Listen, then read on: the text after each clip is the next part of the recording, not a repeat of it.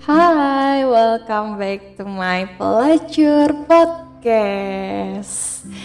Kali ini episode keempat dan di episode kali ini aku mau ngebahas masalah apa ya? Aku bingung nih mau ngebahas pertanyaan yang di DM atau aku mau ngasih tips hal-hal yang harus dijauhi saat memiliki suatu hubungan. Kayaknya lebih menarik yang itu gak sih? Tapi ini versi aku ya. Kalau versi aku. Jadi, bingung. Sepengalamannya aku memiliki suatu hubungan, aku selalu banyak dapet pelajaran. Jadi ada cowok yang bilang ke aku kayak gini awalnya. Hmm, kalau kita ada masalah, jangan pernah melibatkan orang lain. Sahabat, apalagi orang tua. Kenapa?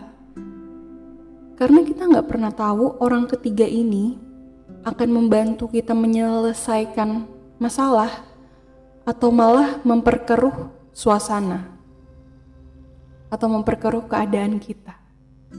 Kita nggak pernah tahu. Apalagi uh, kalau kalian udah nikah, kalian curhatnya itu sama orang tua kalian. Gini, misalnya aku perempuan, aku laki-laki, eh aku laki-laki, aku perempuan, uh, aku menikah nih nanti, terus uh, aku kalau ada masalah, aku berantem sama pasangan aku, aku ceritanya ke mama aku. Nah itu sebaiknya dihindarin. Kenapa? Karena gini, in case kita baikan sama pasangan kita, orang tua kita tuh keburu mikir uh, pasangan kita tuh yang jelek gitu. Sementara kalau kita ceritanya ke mertua kita, ke ibunya si laki-laki, ibu ini kan yang melahirkan dia, jadi ibu ini tuh yang lebih mengerti dia. Uh, lebih baik sih ceritanya ke mertua karena ya mana tahu bisa bantu dinasehatin gitu. Sama halnya kayak pacaran aku pun belajar makanya aku nggak pernah mau uh, cerita ke mama aku kalau misalnya aku lagi berantem sama pacar aku atau apa pun itu. Jadi ya kalau galau ya udah gue galau sendiri aja gue nangis nangis sendiri aja gitu. Karena aku takutnya kalau nanti aku cerita mama aku udah mikirnya tuh yang jelek tentang pasangan aku. Sementara aku masih pengen balikan pengen baikan gitu. Jadi sebaiknya dihindari. Kalau aku udah cerita ke mamaku berarti aku udah di titik oke okay, cukup. Udah nggak ada yang dipertahanin lagi udah nggak ada yang bisa dipertahankan diinginkan diharapkan atau diperjuangkan. Berarti udah titik. Tapi sejauh ini terakhir ini aku pun aku ngerasa orang tua tuh feelingnya luar biasa kuat ya. Aku orang yang nggak pernah mau menyelesaikan suatu hubungan selama masih bisa diperjuangin kenapa enggak? Kayak di podcast podcast berikut eh sebelumnya kan aku udah disakitin aku diselingkuhin aku masih iya iya aja. Karena aku tuh takut banget untuk ditinggalkan menyelesaikan atau meninggalkan gitu. Pokoknya aku rada parno sama itu semua. Aku tuh takut untuk meninggalkan hubungan yang udah sejauh itu walaupun memang toxic atau apa pun itu aku bakal berusaha berjuang bertahan gitu loh. Nah itu aku bodohnya aku tuh itu. Sampai di titik terakhir-terakhir itu um, aku nggak cerita ke mamaku sebelumnya sebelumnya mamaku tuh pernah nanya kamu berantem? Enggak kan? Karena si sosok orang ini ya balik lagi ke cerita aku ya aku selalu cerita terus story di pelacur aku. Jadi um, aku nggak mau berasumsi sama hubungan orang aku nggak mau stereotype sama hubungan atau apa pun itu, uh, aku selalu mencontohkan yang ada di hubungan aku. Aku bukan mengumbar-ngumbar masalah aku atau apa pun itu, tapi aku mau dari masalah aku, dari apa yang udah aku jalanin, kalian bisa mengambil kesimpulan dan belajar. Jadi kalian gak akan jatuh dalam masalah yang sama sama yang aku rasain itu. Jadi uh, ada satu laki-laki selama aku bawa uh, pasangan aku ke mama aku tuh nggak ada yang semulus itu. Padahal mungkin baik ya, menurut aku baik-baik aja sih cowok-cowok aku. tapi nggak ada yang semudah itu mama aku um, setuju sampai ada satu laki-laki yang uh, mama aku ngedukung malah dari yang tadinya mamaku gak bisa ya kamu kalau mau nikah nanti uh, harus punya rumah dulu harus ini dulu harus itu dulu gitu sampai di titik mamaku kayak ya udah kamu nikah aja tahun depan. Gak apa-apa nanti tinggal di sini dulu aja sama mama atau sama mertua kamu ya suka-suka kamu aja. Pindah-pindah juga gak apa-apa it's okay. Itu kan kayak gila loh emak gue udah melepaskan segala egonya untuk ya udah gitu karena dia udah setuju sama orang ini aku pun juga sayang sayang sayang banget sama orang ini. Berkali-kali berantem putus juga uh, pasti balik-balik lagi. Cuman ada di satu titik menurut aku cukup gitu loh. Um, kenapa cukup? Aku ngerasa hmm, aku udah melakukan semuanya yang terbaik. Aku udah all out banget ke orang ini. Yang aku minta cuma satu aku aku bakal tetap bertahan walaupun ada di titik terendahnya dia di titik nolnya dia. Sekalipun aku nggak akan pernah ninggalin dia. Tapi kali ini maaf banget aku harus pergi. Ketika aku udah nggak dihargain. Mungkin sebelumnya aku udah nggak dihargain pun aku masih tetap bertahan karena aku uh, ngilangin semua ego aku. Karena aku sayang gitu. Cuman ada satu masa di mana aku sadar ketika orang ini lebih um, mungkin ada juga ya tipe orang-orang yang kayak gini tapi dia ini lebih pro, lebih sayang, lebih sepenuhnya ke sahabat-sahabatnya. Aku terima, aku terima dan aku mencoba untuk masuk ke dalam lingkungannya. Cuman memang karena aku nggak nggak terlalu bisa memaksakan diri aku kalau memang tidak sefrekuensi karena aku takut menyakitkan satu sama lain. Jadi aku memilih untuk um, ya udah aku tetap ada dengan diri aku, kamu dengan teman-teman kamu, tapi tolong tahu batasannya. Aku pernah nangis nangis nangisnya sama dia. Aku cuma minta satu. Aku rasa seharusnya aku bisa dapat perhatian dan kasih sayang yang lebih. Tapi ini nggak sama sekali. Uh, dia tetap lebih memberikan semuanya ke sahabat-sahabatnya. Aku sampai minta cuma satu. Boleh nggak perlakuin aku sama kayak kamu perlakuin kamu ke uh, perlakuin perlakuan kamu ke sahabat-sahabat kamu? Aku nggak akan pernah minta lebih tapi tolong disamain. Kenapa? Karena dia kayak hari-harinya bahagianya itu ya ke sahabatnya. Ke aku tuh kayak nggak ada gitu. Dan menurut dia ya enggak uh, dia memperlakukan aku selayaknya gitu um, di situ aku cuma bilang aku nggak Gak memaksa atau apa pun itu, aku cuma mencurahkan apa yang aku rasakan. Aku harap dia ngerti. Karena komunikasinya ke aku pun um, gak sebagus komunikasi dia ke sahabat-sahabatnya. Aku gak tahu batas wajar setiap orang tuh kayak apa, tapi aku ke sahabat-sahabat aku pun, begitu juga sahabat aku ke aku pun, mereka sangat menghargai aku. Temen-temen aku tuh luar biasa baik uh, aku itu lebih banyak sahabatan sama temenan tuh sama cowok-cowok. Aku sahabat cewek aku kayaknya bisa dihitung pakai sebelah jari deh. Kalau sahabat cowok aku kayaknya banyak banget. Ada yang sahabatan sama aku udah 14 tahun, ada yang udah 5-6 tahun, 2 tahun, 1 tahun, semuanya tuh ada. Dan mereka selalu menghargai aku setiap aku punya pasangan. Mereka nggak pernah sentimen, nggak pernah ngejudge uh, pasangan aku, walaupun pasangan aku nyakitin aku. Mereka nggak pernah sekalipun bilang kok uh, cowok lo gini-gini gitu-gitu sih? Nggak nggak pernah sama sekali. Mereka selalu selalu ngelihat ya udah kalau lo happy silahkan. Kalau lo sakit lo datang lagi gue selalu ada. Nah itu sahabat-sahabat aku. Aku seneng banget punya sahabat-sahabat yang positif banget. Dan nggak pernah ikut campur urusan aku. Itu. Um, begitu juga dengan pasangan aku ini. Pasangan aku dulu. Pasangan aku ini juga punya sahabat-sahabat cewek dan cowok. Sahabat cowoknya menurut aku baik sama aku dan di akhir-akhir ini pun di akhir-akhir uh, hubungan itu aku ngerasa baru kenapa nggak dari kemarin gue diajak ngobrol yang kayak gini? Gue bakal bakal senyaman itu dan cocok sama pertemanan kalian. Kenapa? Karena baru di akhir-akhir itu um, aku ngerasa kita deep talk yang ngomong tujuan lo ke depan apa? Usaha-usaha lo untuk mencapai tujuan itu apa? Kita sharing tentang kerjaan, kehidupan dan lain sebagainya itu. Itu yang gue mau sebenarnya. Karena gini, hidup itu pilihan. Aku bukan gak punya teman banyak, aku bukan gak mau bergaul kayak orang-orang, aku gak mau, bukan gak mau hangout, makan, minum, malam atau apa pun itu, bukan. Balik lagi hidup itu pilihan.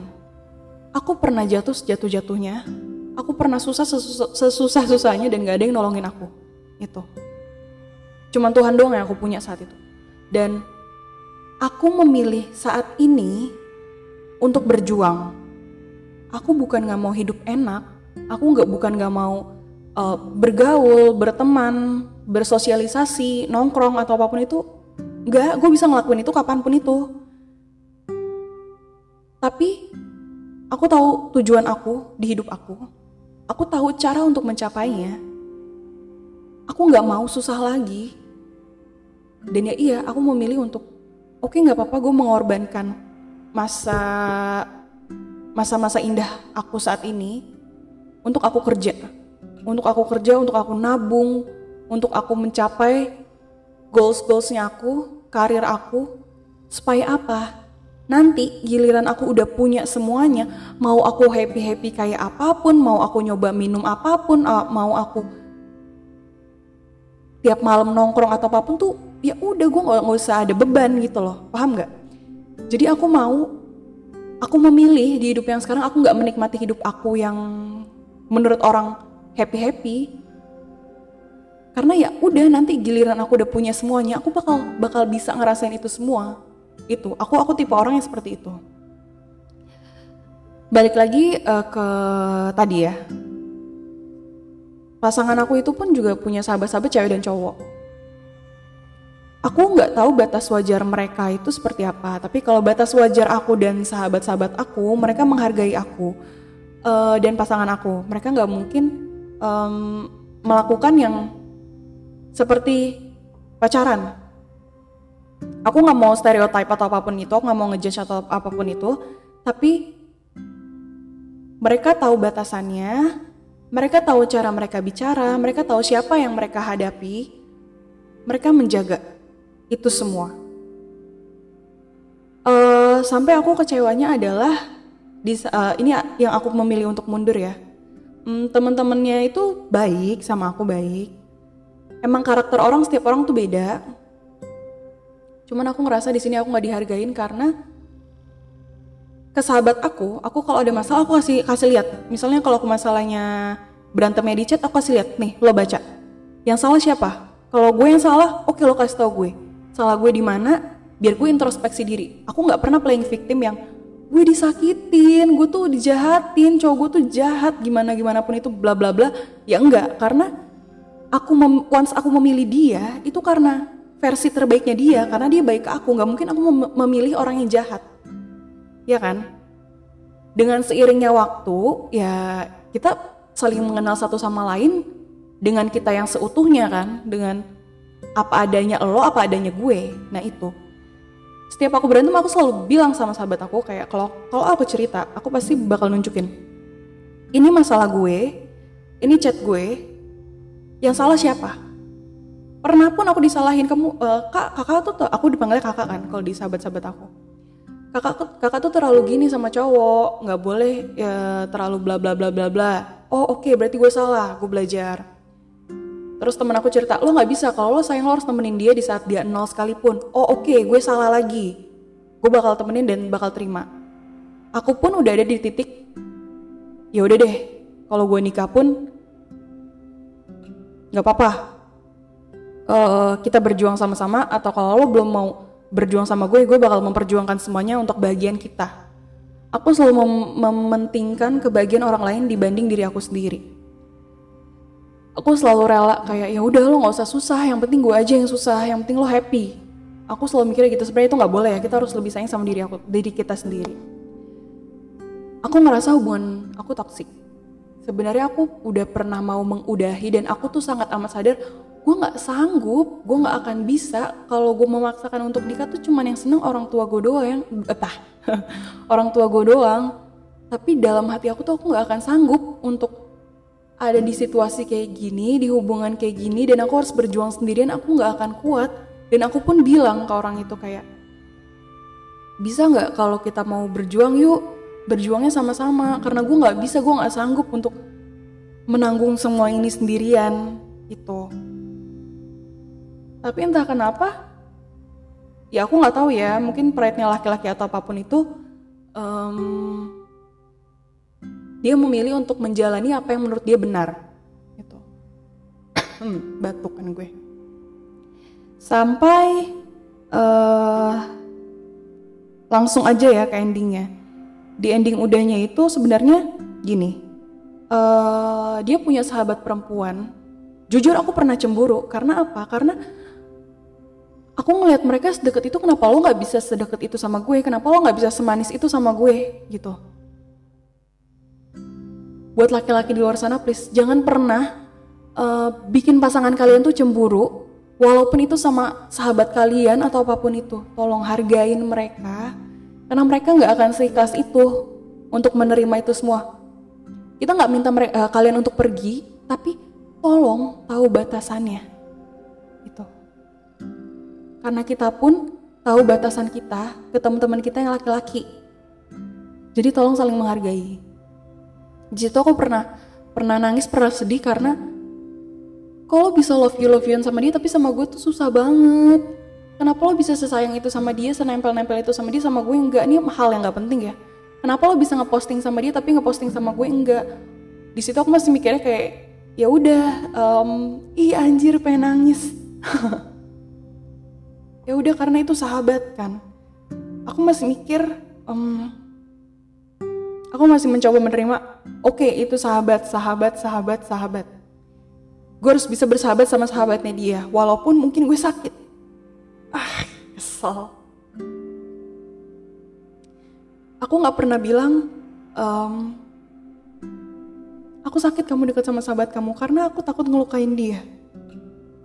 Sampai terakhir kita berantem itu uh, dia bilang mm, sebenarnya yang aku memperma aku permasalahkan bukan karena dia deket sama sahabatnya.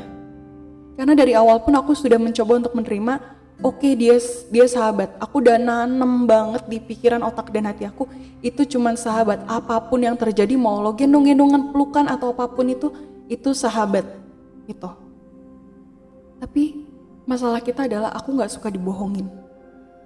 Aku nggak suka dibohongin itu ada satu ketika tiba-tiba perasaan aku nggak enak banget. Lagi-lagi nih hampir mirip sama podcast yang pertama. Perasaan aku nggak enak. Kali itu dia mau pergi terus aku bilang ehm, kamu pulang jam berapa? Aku nanya kayak biasanya. Di situ jawabannya beda. Dia cuma bilang wah aku nggak tahu kalau kamu nanya kayak gitu. Aku nggak bisa mastiin lah. Ya tapi nanti aku kabarin deh. Di situ aku kayak jawabnya loh kok ngegas? Kenapa karena biasanya kalau aku tanya misalnya kalau dia pergi sama temennya kamu pulang jam berapa nanti? Pasti dia bilang aku nggak tahu yang. Nanti aku kabarin ya. Uh, kalau kemalaman mungkin aku nginep ke sini tapi kayaknya aku pulang sih. Biasanya dia ngobrol sesantai itu dan kali ini dia ngomong sejutek itu. Dan di situ pun aku nggak tahu jelas dia pergi sama siapa. Soalnya kalau sahabat-sahabatnya pasti aku tahu si A B C D dia bakal sebut. Nah ini yang aku tanya kamu sama siapa itu nggak dijawab. Terus aku on the way dulu ya. Oh oke. Okay. hati-hati. Pas dia udah pergi pun aku tanya ada siapa aja di sana? Itu nggak dibalas mungkin ya menurut dia uh, lagi seru ngobrol atau apa pun itu. Tapi nggak biasa biasanya dia melakukan hal seperti itu. Sampai malam aku chat itu uh, dia nggak jawab. Terus dia hilang hilang hilangan. Aku aku punya satu aplikasi kayak Find I, Find My iPhone. Itu uh, aku aku lihat di sana kok muter-muteran. Di situ aku bukan cembu bukan apa ya? Bukan aku mikir yang overthinking atau apa tapi aku takut. Aku takut dia kenapa-napa karena aku nggak tahu dia pergi sama siapa. Aku nggak tahu dia ke mana. Di situ aku cuma mikirnya aku langsung nelfon teman-teman aku aku langsung nelfon sahabat-sahabat aku cewek dan cowok. Aku langsung nanya gue harus ngapain? Ini dia lokasinya muter-muteran. Aku takutnya zaman lagi kayak gini amit-amit ya aku takutnya dia diculik dirampok atau apa pun itu terus kayak amit-amit aku udah mikirnya tuh aduh ini orang ini orang dibuang atau di apa pun itu kayak aku udah mikir terburuk banget aku udah nangis nangis karena aku nggak tahu kalau aku ngehubungin dia tuh nggak dibales. Sampai jam 2 uh, eh, aku telepon dia dia cuman ketawa-ketawa oh iya aku lupa ngabarin kamu. Hei gue dari tadi nanyain lo di mana? Lo ke mana? Lo ngapain? Lo nggak ngasih tahu gue? Terus tiba-tiba lo ketawa-ketawa. Terus dia bilang e, aku nginep nginep di rumah teman aku. Oh ya udah tapi bisa nggak sih lain kali kasih tahu? Aku nggak tahu kamu pergi sama siapa dan, dan lain sebagainya. Apalagi di belakangnya ada suara cewek gitu. Terus di situ aku masih over eh masih masih positif. Oh oke okay, ya udah deh. Dia matiin teleponnya Seharian tuh aku gak tidur. Galau seanjing-anjingnya, sejadi-jadinya karena aku menyesali kenapa sih kalau lo gak bilang, gue salah apa, kenapa, apa susahnya buat ngabarin doang, itu, kenapa lo gak bisa ngabarin gue? Gue sepanik itu.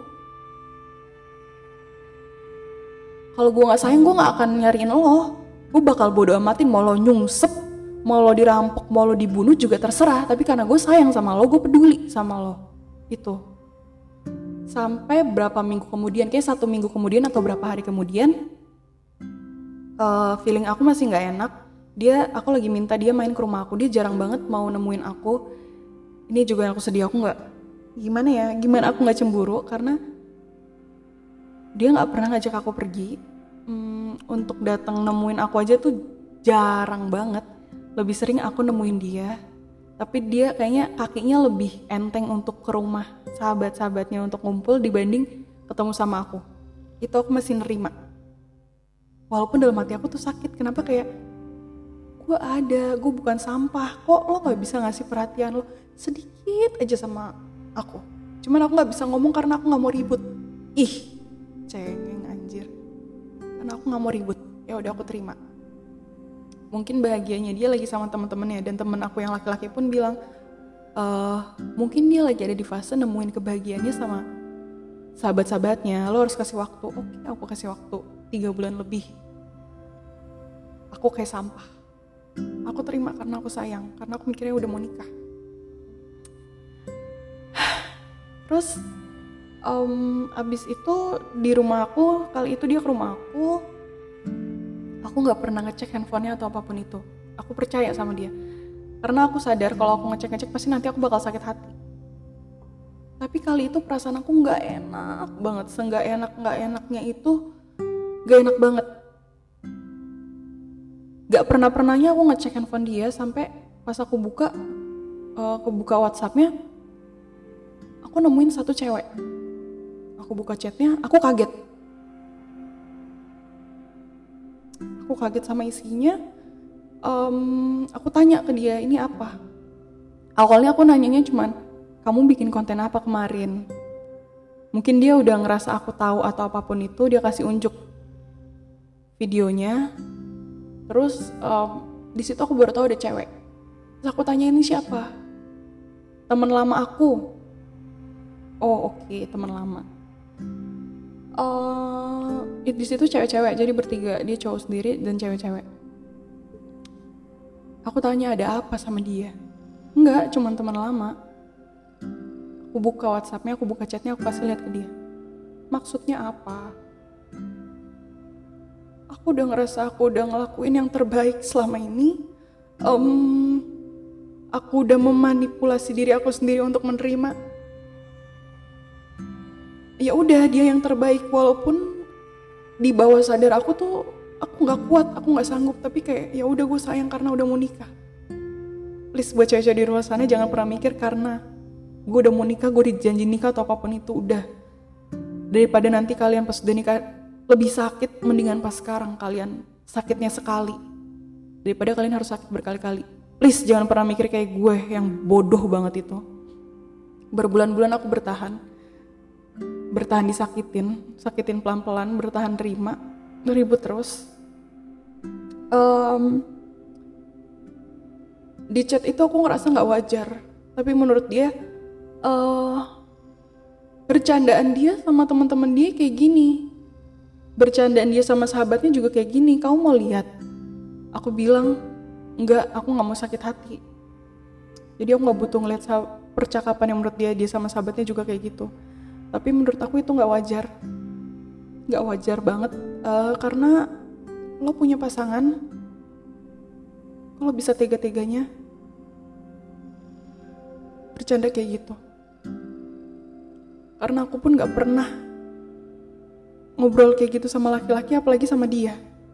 Kita pun gak pernah ngobrol kayak gitu. Di situ aku hancur sehancur hancurnya sakit sesakit sakitnya aku nangis kenapa? Kayak uh, gue udah sepercaya itu kalau lo nggak ngehargain gue. Berarti lo selama ini nganggap gue apaan? Sampah. Di situ aku masih nahan-nahanin karena lagi di rumah aku takut mama aku tahu atau apa pun itu aku coba ya udah gue maafin dulu sekarang. Dan di situ aku nanya lagi kamu nginep di mana dia bilang aku nginep di di bilang uh, sebut aja B ya. Aku nginep di suatu tempat gitu. Terus uh, aku bilang waktu kita telepon kamu bilang nginep di rumah teman kamu. Kok nyatanya kamu nginep di sini? Terus dia cuman kayak oh mungkin aku lupa kali ngomong kamu. Ah kamu kali yang salah. Aku nggak sebodoh itu. Di situ aku udah mikir ya udah udah nggak sehat. Sebenarnya hati aku tuh marah semarah marahnya yang aku permasalahin bukan aku cemburu sama sahabatnya, tapi aku dibohongin. Aku kayak sampah di situ. Lo punya pasangan, tapi lo nginep sama orang lain.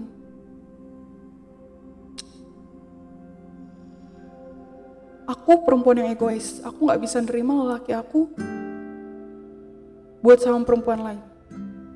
Jujur aku egois. Dan menurut aku, aku wajar yang aku lakuin itu wajar. Karena nggak mungkin ada perempuan yang rela ngelihat pacarnya sama cewek lain gitu. Di situ pas dia pulang dia ngabarin aku aku masih hancur hati aku hancur sehancur hancurnya di situ aku cuma mau nenangin diri aku karena aku takut emosi aku ngambil keputusan yang buruk karena kita nggak pernah bisa, jangan pernah ngambil keputusan di saat kalian emosi atau di saat kalian bahagia. Karena kalian nggak akan pernah bisa berpikir dengan jernih. Di situ aku cuma diem, aku nggak bales, aku matiin semua handphone aku. Karena aku sakit, sakit banget, jujur. Sakitnya luar biasa. Hmm. Karena aku udah sesayang itu, orang tua aku udah senerima itu, tapi kenapa lo kayak gini? Aku nanya ke dia, aku salah apa? Aku nyakitin dia apa kok? Dia bisa ngelakuin ini ke aku.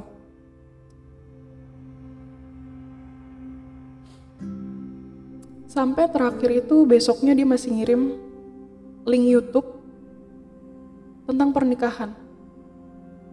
Dia bilang nonton ini bagus. Aku nggak bales tapi aku nonton.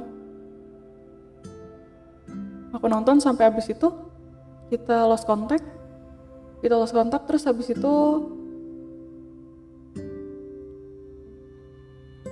menjelang aku ulang tahun aku kaget. Sahabatnya ngeposting yang menurut aku nggak wajar. Uh, aku paling nggak suka siapa pun ngecampurin urusan aku karena mereka nggak tahu masalahnya apa karena mereka cuma dengar dari satu orang. Mereka nggak tahu perjuangan aku selama ini udah ngapain aja untuk kebahagiaan dia. Mereka nggak tahu apa yang udah kita jalanin sejauh ini. Mereka cuma lihat dari sudut pandangnya mereka dan dari ceritanya dari cerita satu orang. Tanpa tahu apa yang terjadi selama ini tuh permasalahan pokok permasalahannya tuh apa? Nggak tahu jujur aku marah marah banget. Di situ kita belum nyelesain belum bilang kita udahan kita putus tuh belum ada. Tapi sahabatnya ini ngeposting bilang nanti kalau lo cari pacar lagi cari pacar yang bener. Dengan apa yang udah aku lakuin. Sejauh ini emang aku ngelakuin gak benar di situ aku cuma nanya kayak gitu. Hancur aku nggak pernah ngelakuin hal-hal yang buruk. Aku nggak pernah mikir sedikit pun untuk nyakitin sahabatnya untuk nyakitin pasangan aku. Aku ngelakuin yang terbaik. Aku selalu memberikan walaupun gak pernah diberi. Aku selalu berjuang buat dia. Aku selalu mikirin kebahagiaan dia. Tapi kenapa lo tiga-tiganya ngomong kayak gitu. Gue apaan? Sampah. Aku cuma mikirnya kayak gitu. Kagetnya pasangan aku nge-repost. Nge-repost itu. Sampai teman-temannya nanya ke aku. Temennya teman kantornya nanya kak kenapa berantem? Kok dia postingnya gitu? Gak etis banget kok temennya ngomong kayak gitu? Di situ aku sakit sakit sakitnya seancur hancurnya kalau sampai itu nggak ada postingan itu nggak ada mungkin aku masih sampai saat ini bakal bertahan dan berjuang. Walaupun sebenarnya aku rasa aku nggak sanggup aku nggak kuat. Tapi aku bakal tetap bertahan karena aku sayang sama dia karena mamanya udah baik banget sama aku.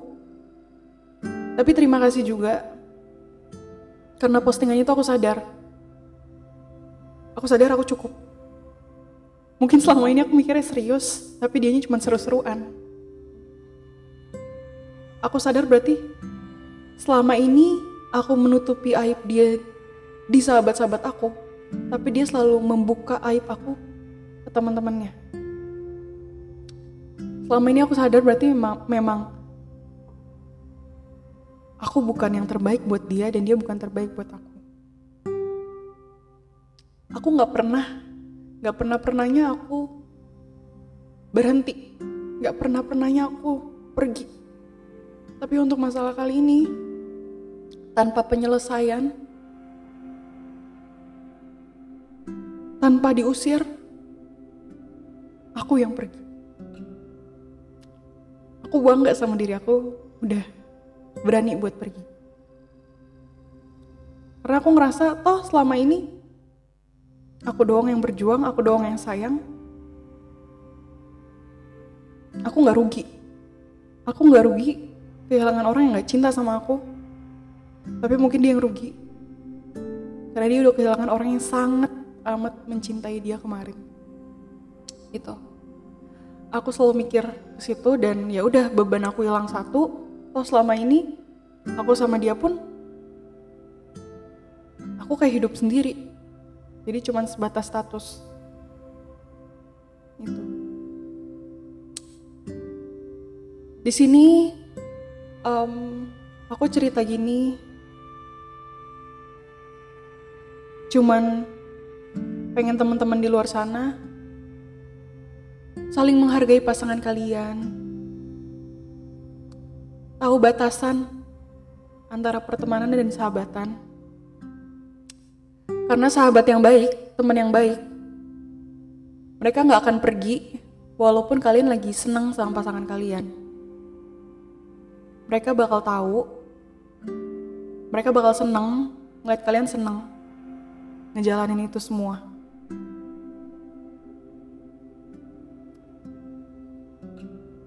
dan jangan pernah uh, meluapkan kejelekan pasangan kalian ke sahabat kalian, teman kalian, atau orang tua kalian.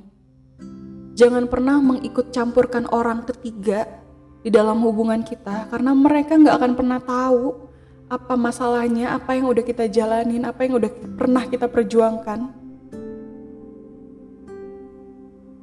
sampai saat ini karena mereka nggak tahu, mereka nggak ada di sana. Dan ya, jangan pernah takut buat pergi.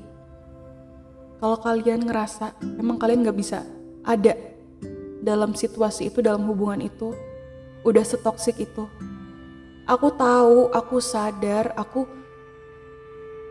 paham banget susahnya keluar dari toksik itu. Tapi please yakin banyak orang di luar sana yang lebih sedih lagi ngeliat kalian sedih. Aku ada di posisi yang toksik kemarin. Aku yang nangis-nangis terus yang masih mau bertahan. Tapi teman-teman aku yang berusaha nyadarin aku dan mereka sedih banget. Jujur aku ngerasa hancur dan ngehancurin perasaan sahabat-sahabat aku yang mereka pikir selama ini aku seneng tapi ternyata aku sakit. Mereka yang sampai untuk pertama kalinya.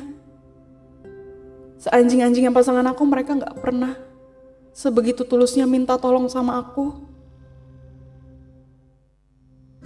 Buat sadarin aku untuk pergi. Itu.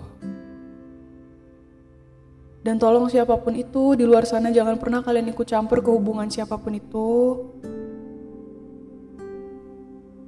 Karena secara nggak langsung, mana tahu kalian sendiri yang memperkeruh itu, yang merusak hubungan seseorang,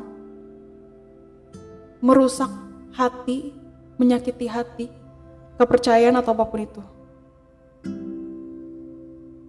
Tapi terima kasih, kalau nggak ada postingan itu mungkin aku gak akan pernah sadar bahwa selama ini Cuman aku doang yang sayang.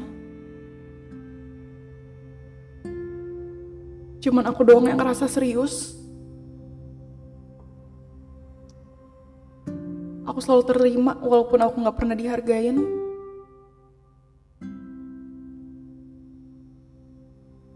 Terima kasih. Terima kasih udah pernah ngasih harapan. Terima kasih udah pernah ngasih kebahagiaan juga, udah menemani selama ini. Terima kasih sudah datang, sudah memberi banyak pelajaran. Dan terima kasih